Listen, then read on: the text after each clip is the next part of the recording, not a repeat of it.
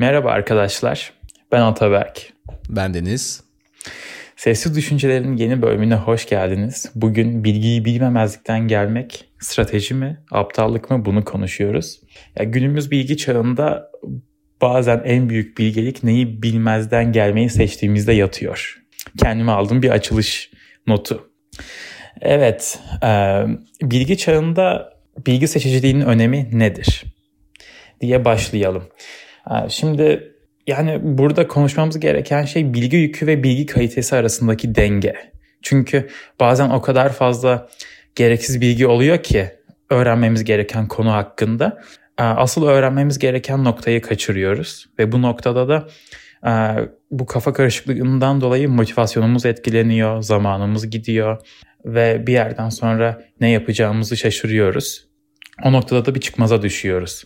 Ya girişimcilerin zaten en büyük e, sıkıntısı bu. Aslında en iyi yaptığı şey de bu.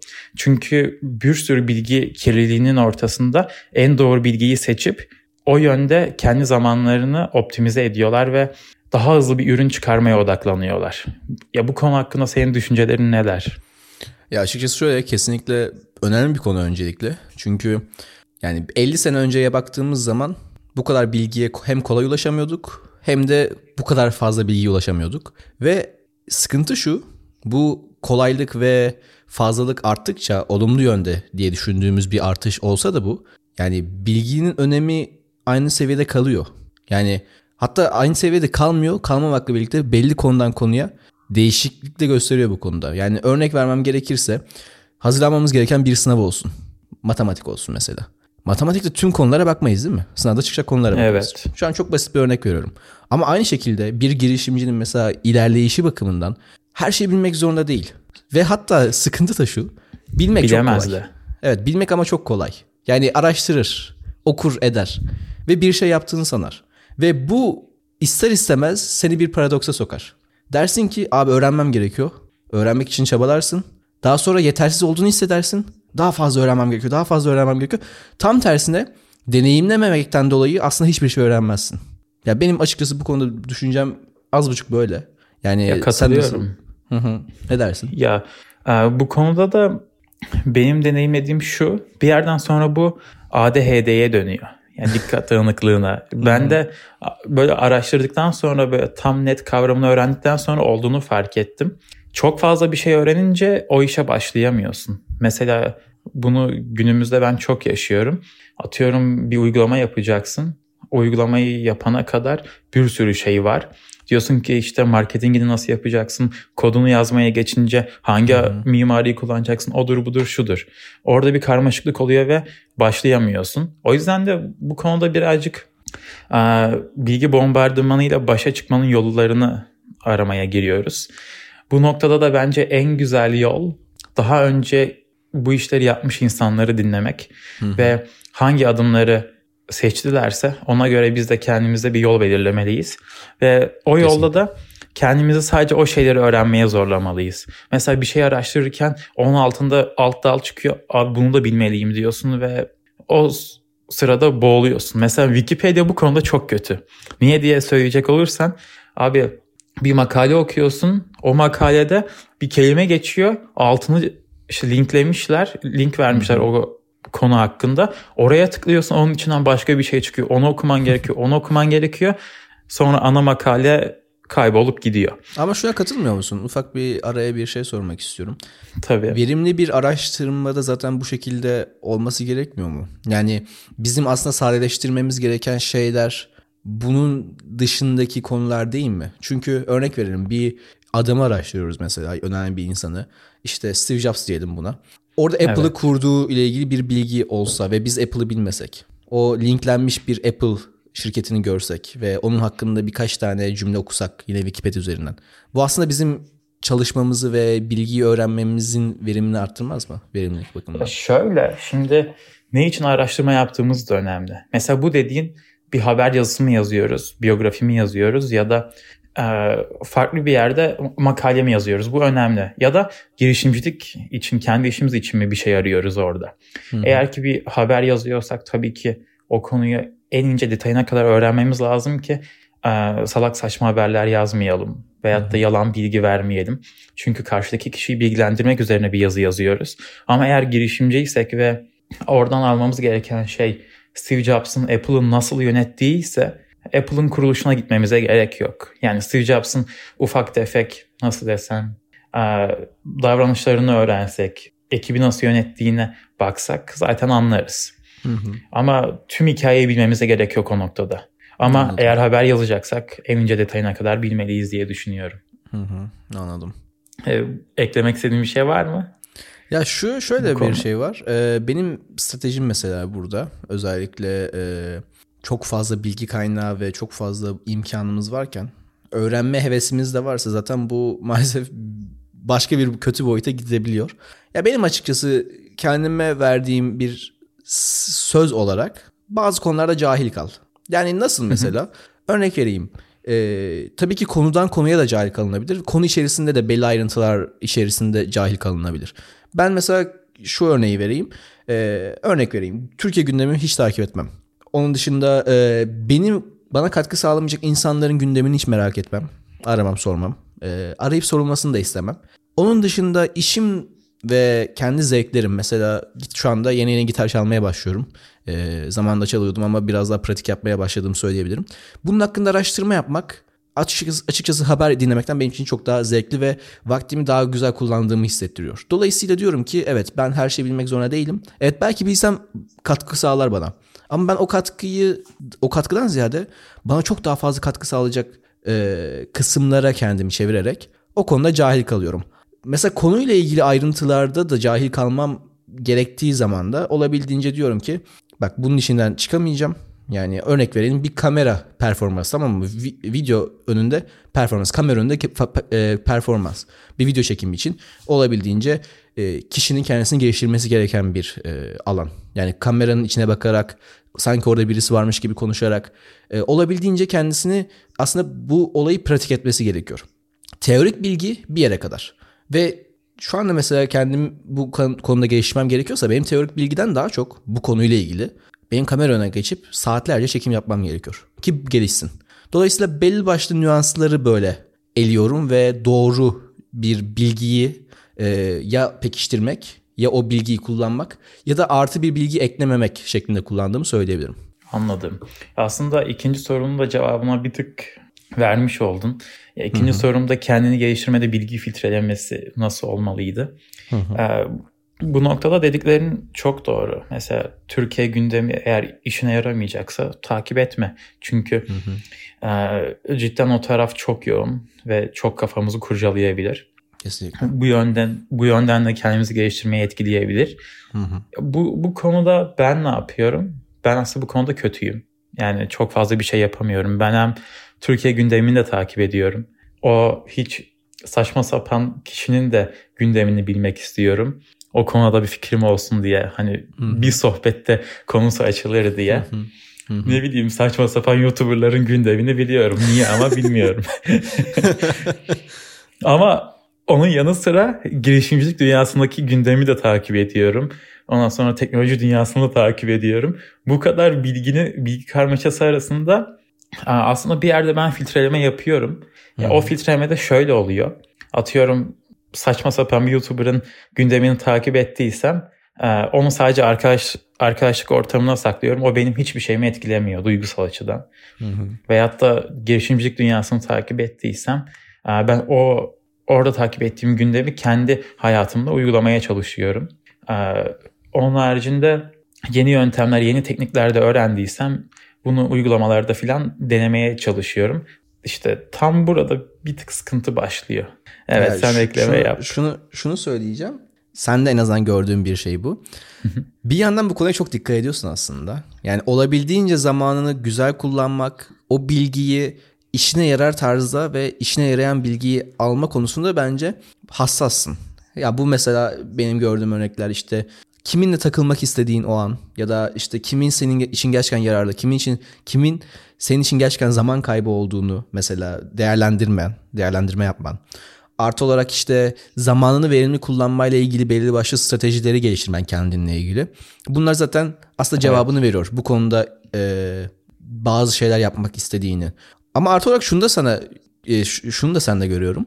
Yani benim mesela takip etmeyeceğim insanların videolarını çıktığı anda izliyorsun mesela.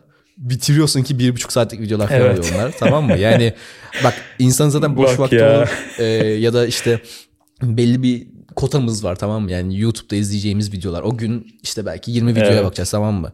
Yani onu ama çok verimli kullanmadığını görüyorum. E bu da okey. Kim verimli kullanıyor diye hesap soracağımız zaman belki ben senden daha az verimli kullanıyor olabilirim. Şu an çok fazla mesela yabancı e, kısa filmlere takıldım ve kısa filmler genellikle işte şey e, parodi tarzı olan e, Evet bana da yollamaya filmler. başladın. evet yani dolayısıyla baktığın zaman ister istemez o kısımda gelişiyor. Ama mesela bence sen bu konuda rahatsız olmana gerek yok diye düşünüyorum. Yani bu konuda kötü olduğunu dile getirdin ama bence çok kötü o değilsin bu konuda. Ya şöyle aslında dediklerini ben düşünüyorum ama uyguluyor muyum? Bu sıkıntı. Mesela bana iyi gelmeyen birisiyle e, görüşüyorum ama bunu da biliyorum bana iyi gelmediğini. Çünkü orada duygularım devreye giriyor ve karşı tarafı kırmamak için teklifini kabul ediyorum veyahut da erteleyip mecburen gitmek zorunda kalıyorum. Hı hı. Ee, böyle sıkıntılar var. Yani bunu bilmek de yetmiyor. Uygulamak gerekiyor.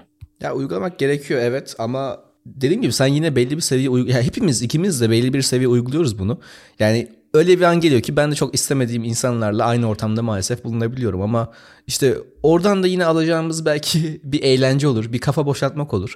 Yani biraz pragmatik baktığımız zaman yine oradan da aslında sıyrılıyoruz. Yani e, bunu biraz da mesela konuyla ilgili e, düşünecek olursak yani elbette ki tam ihtiyacımız olan bilgiyi o an göremeyebiliriz. Ama yani isteğimiz var. O bilgiyi, o konuyu ya da o kişiyi öğrenmek istiyoruz.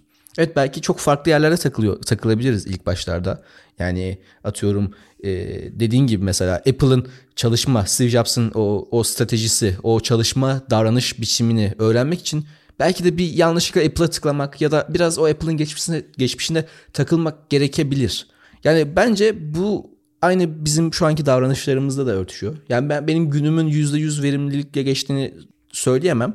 Ama imkansız yani. Yani şu yani. anda düşündüğüm zaman da abi geçmesin. Yani sıkıntı yok. Yani çünkü ben mesela geçen senelerde buna çok takılıyordum. Özellikle işte girişimci olmak, odur budur şudur. Yani çok fazla girişimci içeriği izliyordum. Bak mesela bu da çok güzel bir örnek. Evet. Girişimcilikle ilgili çok bilgi edinmek istiyoruz. Çok bir şey öğrenmek istiyoruz. O kadar fazla şey takip ediyorum ki bir bakmışım. Bir takip ettiğim insanlar evet çok başarılılar da vardı ama girişimci olmayan girişimci sohbetlerini yapanlar da var tamam mı? yani bu çok komik. ee, yani dolayısıyla bir baktım abi ben hiçbir şey yapmıyorum. Yani mesela Calisthenics Türkiye işte e, makale yazmayı bir topluluk oluşturmuştum Instagram'da e, spor hakkında makale yazıyordum. E, çok güzel bir topluluktu mesela. Benim ilk girişimim diyebilirim hı hı. açıkçası. E, yani mesela ona başlamadan o kadar fazla maruz kalıyordum ki o kadar adım atmıyordum ki. Öğreneyim onu da öğreneyim işte bootstrap nedir bilmem ne terimler odur budur şudur. Abi hiç hareket etmiyorum ama. yani böyle bir şey de Evet. Var. Birebir aynıyız o konuda seninle yani. ya hareket etsek bile sonuna kadar götürmüyoruz o şeyi. Yani dedin ya işte girişimci diye örnek verebiliriz diye. Hı hı. Girişimcilik hakkında bir sürü şey öğreniyoruz falan filan. İşte bu noktada aklıma direkt şey geliyor. ChatGPT'nin nasıl eğitildiği. Ya ChatGPT eğitilirken de buna en çok dikkat edilen noktalardan bir tanesi bu. Aslında bu direkt veri analizi konusuna giriyor. Hı hı. Veri madenciliği. Burada en çok dikkat edilen konu bir yapay zeka eğitilirken en temiz veriyi elde edebilmek. Yani verinin çoğunu, çokluğundan çok kalitesi önemli. Hı hı. Böylelikle de e, o yapay zekalar daha hızlı oluyor ve daha nasıl desem daha doğru sonuçlar çıkartıyor karşına. Bu bizim için de böyle. Hı hı. Yani bunu kendi hayatımıza uygularsak herhalde biz de ChatGPT seviyesine gelebiliriz diye düşünüyorum. ya, tabii canım. Yani e, zaten bak bence geliyoruz da. Yani şu an biz yolun çok başında olan insanlar olarak konuşuyoruz e, ve tarihe bir not düşüyoruz aslında. Ki bak ben dediğim gibi bak geçen ilk girişimde yaptığım mesela bir hataydı. Mesela şu anki girişimimde yani şu anki yaptığım işte e, yani mesela eski Deniz görse bu kadar profesyonel yönetebildiğimi şaşırırdı. Ya da mesela daha da geçmişe gideyim. Ben kendimde şaşırdığım ilk adımlarım da yani o ilk girişimimde de attığım adımlar yine en geçmişteki Deniz'i çok şaşırtacak adımlardı. İşte sabah erken kalk makale yaz. O kadar istikrarlı mesela makale yazabileceğimi ben tahmin etmiyordum. Ya da işte şu an o kadar istikrarlı bir şekilde video üretebileceğimi tahmin etmiyordum. Ya da o kadar istikrarlı bir şekilde araştırma yapabileceğimi tahmin etmiyordum. Dolayısıyla ister istemez geliştiğimizden dolayı ki e, yani gelişmeye açık da insanlarız. Aynı şekilde hep bilgiyi öğrenmek istiyoruz. Bunu daha verimli hale getirmek istiyoruz. O gereksiz aslında bizi işimize yaramayan bilgilerden kurtulmak istiyoruz. Onları sadeleştirmek istiyoruz ve temiz veriye ulaşmak istiyoruz. Zaten bu davranışta olan bir insan ister istemez bu konuda da gelişiyor diye düşünüyorum ben. Yani yavaş yavaş bence bu problemleri azalttığımızı hissettiğimi söyleyebilirim. Sen ne düşünüyorsun? Ya katılıyorum tabii ki. Yani sonuçta bu kendimizi eğitme süreci ve bu süreci farkında olmadan da yaşıyoruz. Hı hı. Yani ve bunu bunu birilerin bize söylemesi de gerekiyor aslında bir noktada. Ya o kendimiz olabiliriz, başka birisi de olabilir tabii ki de. Ama gerekiyor ki ona göre aksiyon alalım ki benim tabii ihtiyacım canım. var buna mesela bazı noktalarda. Çünkü kafayı yiyorum. Acımasız oluyoruz bazen. Abi. Kendimize bazen acımasız evet, oluyoruz. Evet evet. Acımasız oluyoruz. Evet bunları konuştuk. Yani kısaca özetlemek gerekirse aslında sen her şeyi özetledin. Birazcık daha bu konuyu farklı yöne sürüklemek istiyorum. Tabii. Ee, stratejik cehalet. Yani nasıl e, atıyorum bir iş aldın veyahut da bir ekiple çalışıyorsun. Hı-hı. Bu ekibe tüm yeteneklerini sergilemek zorunda mısın? Veyahut da sergilemeli misin? Yoksa onların ihtiyacı olan bilgileri mi sergilemelisin? Yani show mu yapmalısın, yapmamalı mısın? Bu çok önemli bir nokta. Çünkü show yaparsan senden e, daha fazla şeyi bekleme şeyi artıyor, oranı artıyor. Atıyorum Ataberk tamam biz bu tarafta eleman bulamadık. Ataberk'e şu işi de kitleyelim. Bunu da yaptıralım. Zaten şu kadar para alıyor. Hayatta para almasa bile tamamen gönüllü bir proje olsa bile e, bu konuda ne düşünüyorsun? Yani tüm bilgimizi sergilemeli miyiz? Ya açıkçası ben sen bana başlığı sunduğun zaman ben bunu ya direkt bu alanda konuşacağımızı sandım başta açıkçası. Evet. Yani şunu söyleyeyim. E, hatta bu konu biraz daha ayrılır. Mesela bu sadece iş yaparken değil. Yani stratejik cehalet. Yani senle konuşurken de mesela. Doğru. Tanımadığın bir insanmış gibi lanse edip aslında o insan hakkında daha fazla bilgi edinmeye de çalışabilirim ben. Stratejik cehaletle. Evet. Yani mesela atıyorum aa Mehmet mi? Kimdi Mehmet ya? Ta- yok tanışmadık abi. Ya Mehmet şerefsizin teki diyeceksin belki. Mehmet benim en yakın arkadaşım bile olabilir. Anladın mı? Dolayısıyla bu tarz konuda bile aslında e, bu cehaletin önemli olduğunu görebiliyoruz. Tabii ki bu bunu yapmayın arkadaşlar. Ama yapmanız gereken bir nokta varsa, bir e, sizin lehinize yarayacak ya da gerçekten öğrenmeniz gereken bir nokta varsa biraz salağa yatma diyebiliriz aslında tam olarak halk tabiriyle. E, ben kullandığımı söyleyebilirim. Hatta bayağı kullandığımı da söyleyebilirim. Evet onu fark ediyorum yani. insanları manipüle etme konusunda. yok yok estağfurullah yok, manipüle etmiyorum. Kimseyi manipüle etmiyorum arkadaşlar. Öyle bir şey yok. Ee, şu, şunu söyleyeyim iş bakımına dönelim e, konudan çok sapmadan. Açıkçası biri bana ne benden ne istiyorsa ya onu en iyi şekilde sunmak şahsen en mantıklısı, en optimali. Çünkü iki seçenek var burada. Ya ben birisi için zaten çalışmak çok sevmiyorum. Birisi benden bir şey istediği takdirde onu en iyi şekilde ve en şaşırtıcı şekilde yapmak taraftarıyım ki bir farkım olsun ki bu her zaman böyle olduğunu söyleyebilirim çoğunlukla diyeyim. Yani e, mesela iş alımında da ben ilk girdiğim ekipte de o kadar fazla şey sundum ki. Yani e, 16 yaşında olarak sundum bu arada. O kadar fazla ya yani bir iş görüşmesinde sunulmaması gereken kadar kendim hakkında done sundum. Bunun pratiğini yaptım. E, hazırlıklı olduğum. Ya en basit üniversite bak şey de söyleyeyim. Üniversite kabulünde de mesela. Üniversiteyle işte kayıt görüşmemde beni alıp almayacaklarını belirleme durumunda üniversitenin bardağıyla mesela şey yaptım. Toplantıya girdim, görüşmeye girdim. o, tamam mı? O yalakalık filan. ya yala bak yalaka tam yalakalık diyeceksek yalakalık olsun bu. Ama yalakalık da Hı-hı. zamanı geldiğinde cehalete çok önemli. Şu, şunu çok toparlamam gerekirse e, şunu söylemek istiyorum. Yeri geldiğinde fazla, yeri geldiğinde az. Benim stratejim bu açıkçası. Yani nabza göre şerbet tam olarak diyebiliriz. Benim yaptığım burada da durum e, biraz da şuna şundan kaynaklı. Fazla olduğu zaman etkileyebiliriz. Az olduğu zaman da etkileyebiliriz. Etkileyebilecek doneler e, bulabiliriz. Mesela sen benden be, bir beklentim vardır. E, senle video işi yapıyoruz örneğin. Ben sana 10 dakikalık video sundum. Abi teşekkür ederim dedin. İkinci video geldi. Abi yine 10 dakikalık yapabilir misin? Tabii yaparım. Abi ikinci videoyu yaptım. Yine 10 dakikalık sundum. Ama sen diyebilirim ki abi 2 dakikalık şöyle bir eklenti yaptım. Ee, yani şu konu hakkında çok güzel bir şey söylemiştin. Ondan esinlendim. Ve sana işte şöyle böyle bir sürpriz yapmak istedim tarzında. Bir şey sundum. Hoşuna gitmiş olabilir. Tamam mı? Ya da derim mesela bu o iki dakikalık kısmı bulmak için abi nelerden hoşlanıyorsun? Ya da işte ee, ya mesela abi en basiti sana yaptığım şey gibi. Yani öyle bir salağa yatıyorum ki bu bardak güzel mi bu bardak kötü mü? Ya sana alacağım hediyede bile o salaklığı yapabil- yapabiliyorum ben. O e, Evet. as- ben karar verebilen bir insanım. Bir şeyin güzel olup olmadığını görebilen insanım ama yeri geldiğinde karşı taraf olumlu bir etki yapmak istiyorsam abi bu güzel mi ya? Senin fikrini öğrenmem için salak olabilirim. Sen ne düşünüyorsun? Ya şöyle arkadaşlık konusunda veyahut da günde gündelik hayattaki ilişkilerde salaya atma aslında birazcık daha şeye geliyor. O iletişimi kuvvetlendirmeye gidiyor. Yani konu konuyu açsın diye bazen salağa atabiliyoruz. Aa abi öyle mi ben onu bilmiyordum aslında çok iyi biliyorsun ama karşıdaki kişi de anlatsın ki bir yerde düşüncelerimiz birleşsin. Orada onu soralım birbirimize bunu soralım. Konuşma ilerlesin diye. Ben bunu mesela çok fazla yapamıyorum. Ama, ama onu sen çok iyi yapıyorsun. Ama iş anlamında bu bir tık daha farklı benim için. Ben bunu şöyle yapıyorum. Yani eğer ki o ekibi çok sevdiysem atıyorum bir gönüllü işte bulunuyorum veyahut da bir şirkete iş yapacağım. Eğer ki o ekibi çok sevdiysem cidden elimden gelenin en iyisini yapıyorum. Ama o ekip bana aynı saygıyı göstermiyorsa yani e, senin yaptığın emeğe saygı göstermiyorsa ben de diyorum ki ben sadece onların hak ettiği kadar Tabii canım. çalışacağım. Onların hak ettiği kadar bir e, bilgi vereceğim onlara ve gerisi onlara kalmış bir durum diyorum ve orada bırakıyorum. Mesela son işimde bu. Bunu birazcık keşfettim. Mesela çalıştığım şirket nasıl desem profesyonellikten hiç anlamayan bir şirket ve ben de orası için kendimi yırtmama gerek olmadığını düşündüm.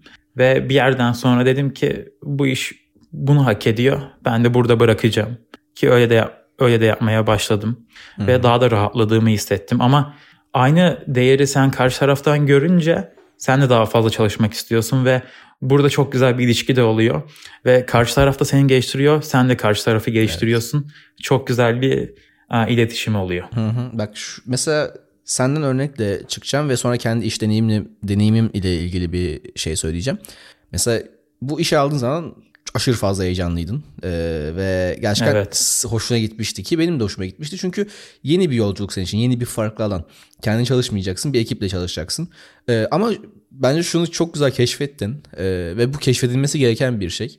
Ee, abi herkes senin kadar hevesli, herkes senin kadar düzgün. Ya mesela kod yazmaya kadar. Sen dediğini hatırlıyorum abi. O kadar güzel kod yazmam gerekiyor ki bu benim prensibim. Yani Androidçiler işte o kadar güzel yazmamış, çok hızlı yazmışlar. Evet işi bitirmek önemli. Ama bunu düzgün bir şekilde bitirmek en azından Ataberk'in isteği. Yani evet işin isteği işi bitirmek Aynen. olabilir. Ama Ataberk'in isteği de bunu düzgün bir şekilde yapmak. Ama en son yani şu dönemde yine ben bu soruyu sorsam sana yine böyle mi yapardın? Abi bitirip gide- giderdim dersin büyük ihtimalle diye düşünüyorum. Evet çünkü aynı şeyi aynı saygıyı ben karşı taraftan göremedim. O kadar emek veriyorsun ve karşı taraf sana bir şeyler hissettiremiyor.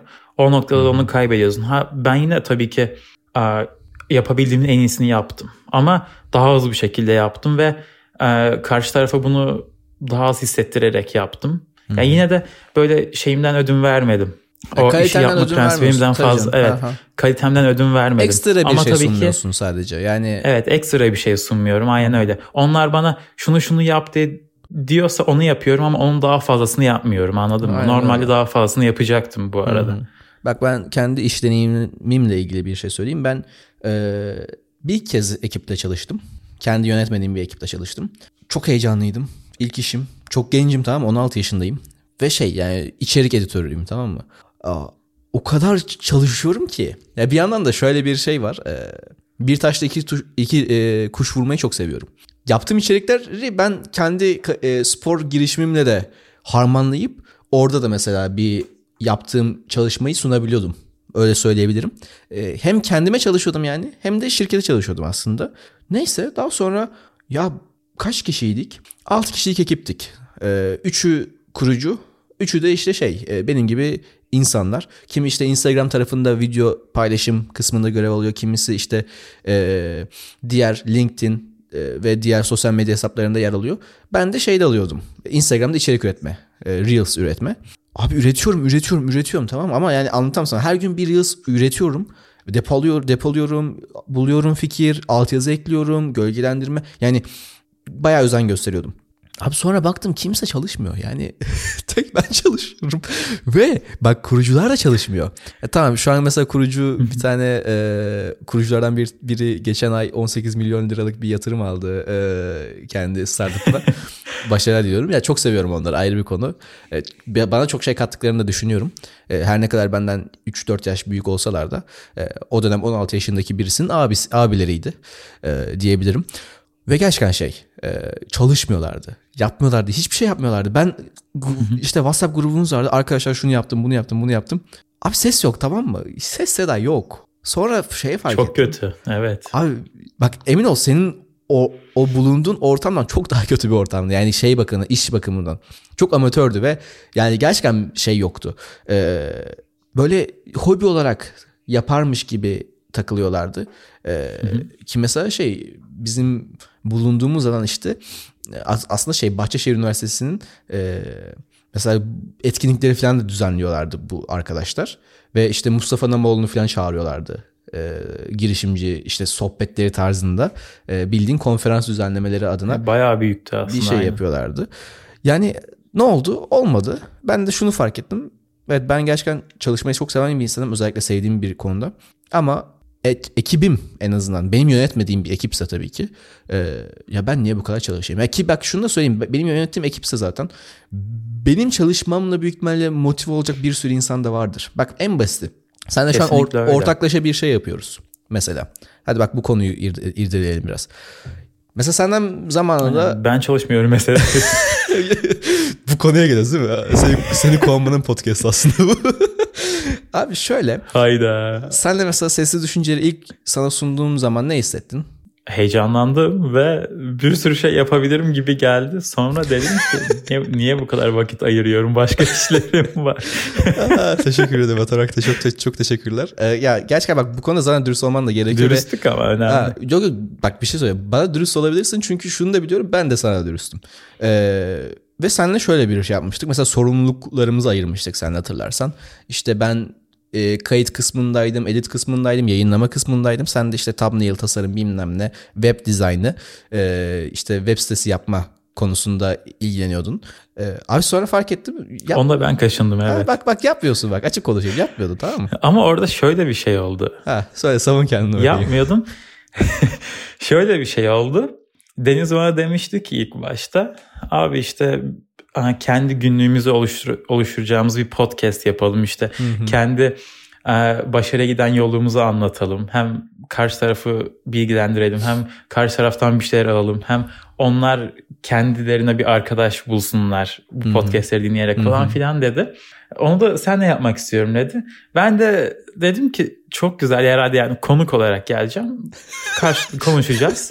Deniz de yayınlayacak. Çünkü Deniz'in içeriği. Orta oldu sonra. ondan sonra Deniz dedi ki abi bunları bunları yapacaksın. Ben dedim nasıl abi nasıl ne yani? Ya? abi ne yapıyoruz yani? Deniz şirket gibi konuşmaya başladı dedim oğlum podcast yani.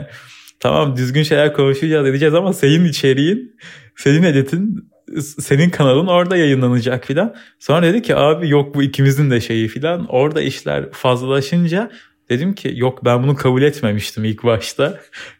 Ama bak Ondan sonra da Evet, Aslında söyle. seni o hevesini kırmamak için web sitesi falan yapalım dedim. Sonra çok aceleyle söylediğim bir laftı o. Sonra yapamadım kaldı. Hala duruyor mu? Hala duruyor. Refund falan yap. iade al. Onu. Gerek gerek yok kalsın. Çok da pahalı bir şey değil yani. Ya. Alamadı. Bak sana şey o konuda şey söyleyeyim. Ya gerçi bak şu an çok daha netsin bana tamam mı? Ben bu arada net olmasını çok isteyen bir insanım. Ee, evet, o zaman tarz... yeni tanışmıştık çünkü. Yani daha yeni yeni kaynaşıyorduk yeni o yüzden. Adam ortak oldu yeni tanışmış mıyız? ben başka bir şey demek Hayır, istemiyorum. Şöyleydi senin e, aslında sen bu kadar samimi değildik. Böyle gerçek hayattaki ya davranışlarını tam her, olarak bilmiyordum. Her, her geçen gün daha samimi oluyoruz. Ona katılıyorum. Yani Evet. orada mesela işte yine bu konuya da geliyoruz aslında. Orada net olsan abi ben bunu bunu bunu yapmak çok istemiyorum. Emin ol o kadar çözülüyor ki işler. Yani hem Ama o senin motivasyonun mesela çözülüyor. Bak ha bu, bunu niye yapmadın demiyorum.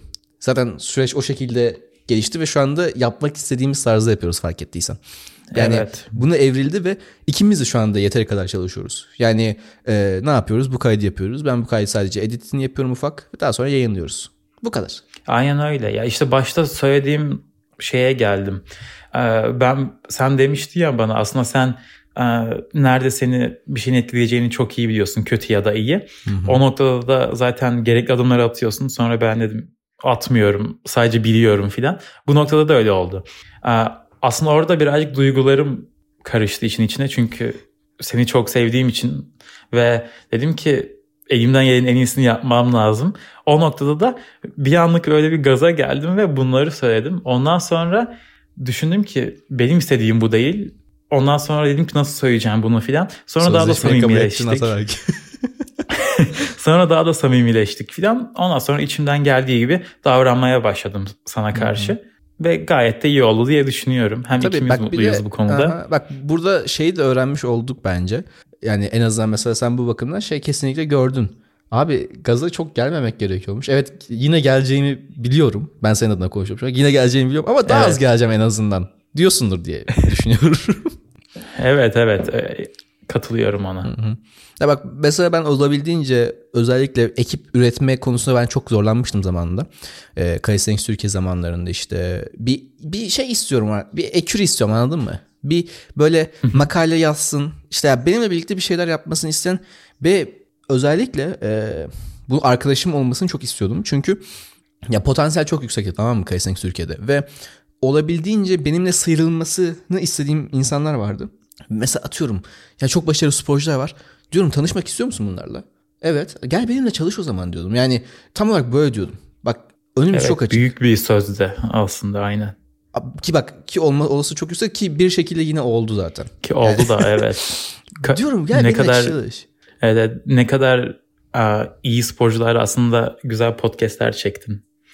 Ya, O noktaya o- eriştin de aslında. Tabii canım. Ya bak biraz hayatımda kişisel hayatımda işte sağlık sıkıntılar bilmem olmasa zaten çok daha güzel olacaktı. Ee, bunu düşünüyorum. Ama yani direkt onu kurtarmak aslında amacım. Yani onu da katıp kurtarmak belki yanlış. Yani ne- neden kurtarıyoruz da ona da katıp ona da değer katmak aslında amaçtı. Ee, yine aynı olay sende de aslında vardı. Yani abi ikimizin ortak noktası var. Bunu çok güzel bir iş modeline dönüştürebiliriz. Ben bu heyecanla sana geldim ki bak yine eninde sonunda bu yine olacak. Ee, istikrarlı Evet. bir şekilde üretti- e, ürettiğimiz sürece. En basiti bize günlük oluyor bunlar. Ve ben çok hoşuma gidiyor benim. Yani seninle olan sohbetim ve bunu e, ölümsüzleştirmek çok çok hoşuma gidiyor.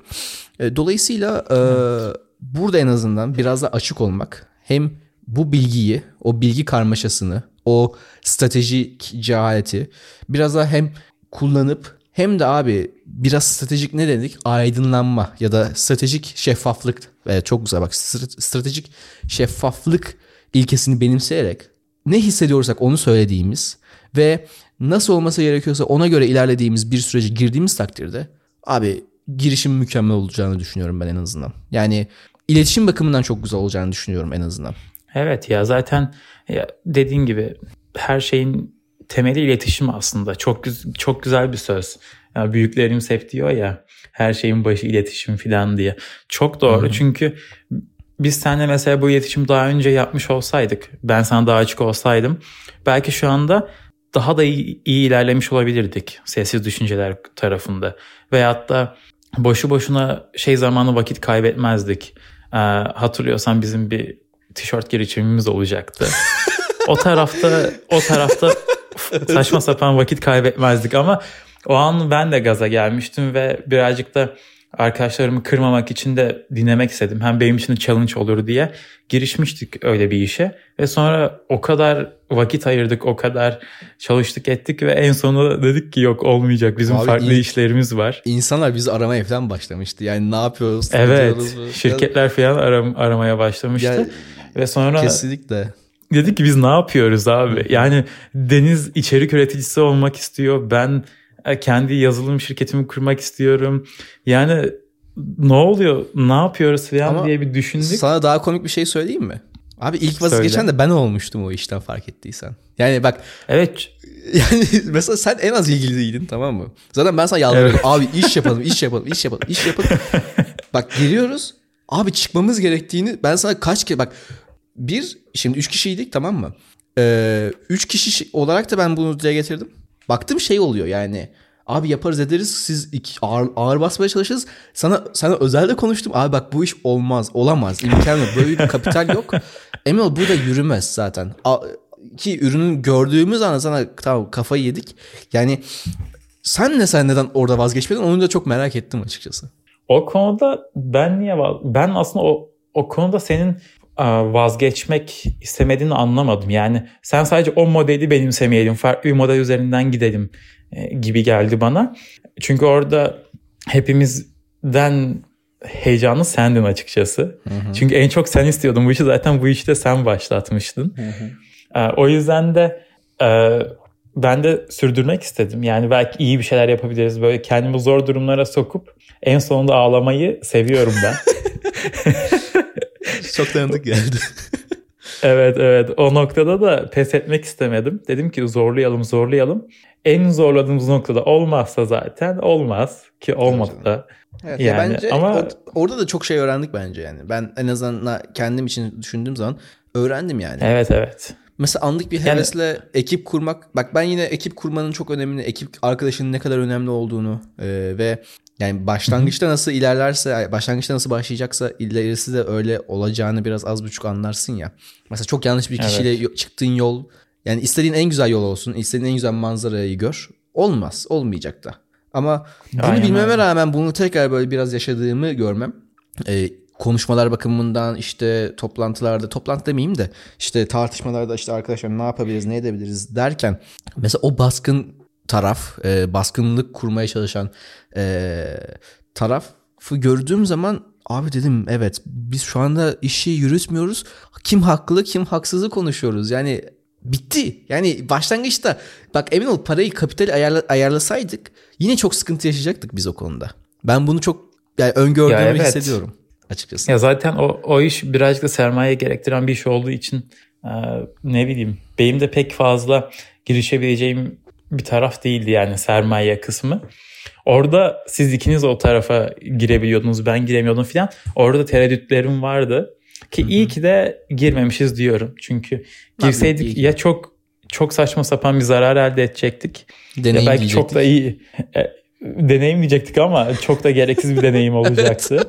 ama Yok, biz bu anlatmak deneyim- için deneyimleyecektik. Evet evet. Ve biz bu deneyimi bedavadan elde etmiş olduk. Hiç para vermeyerek. tabii canım evet evet tabii canım. Ya o zaman biraz toparlamam gerekirse e, konuyu toparlayalım artık bitirelim. 40 dakikaya geliyoruz. Aa, Evet evet. Bilgiyi bilmezden gelmenin etik boyutu. Açıkçası e, şahsen şunu söyleyeyim son sözlerim olarak. Bilgiyi bilmemezlikten yani stratejik cehaletten aslında bahsediyoruz.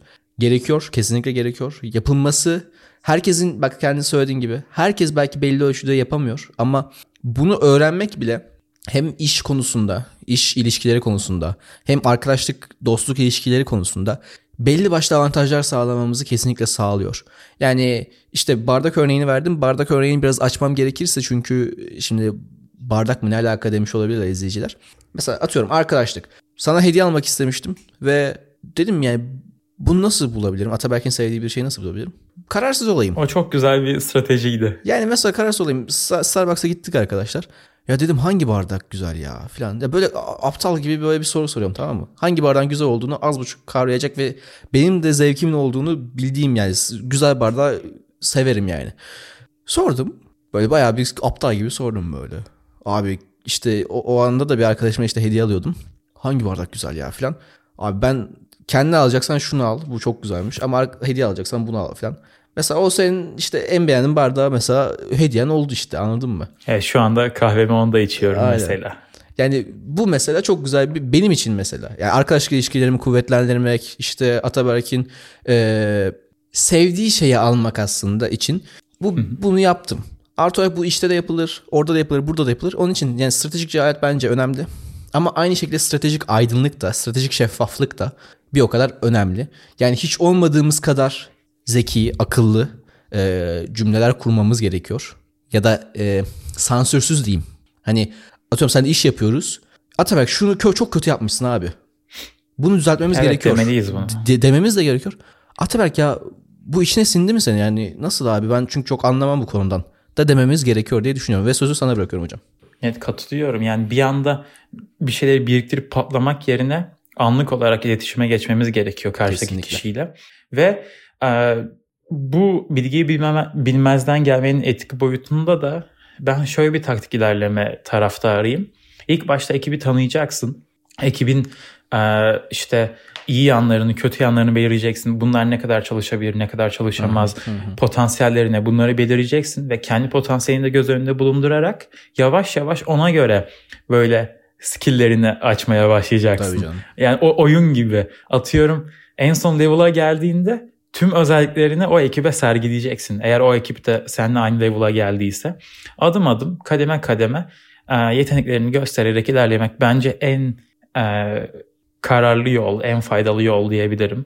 Yani benim de son düşüncelerim böyle.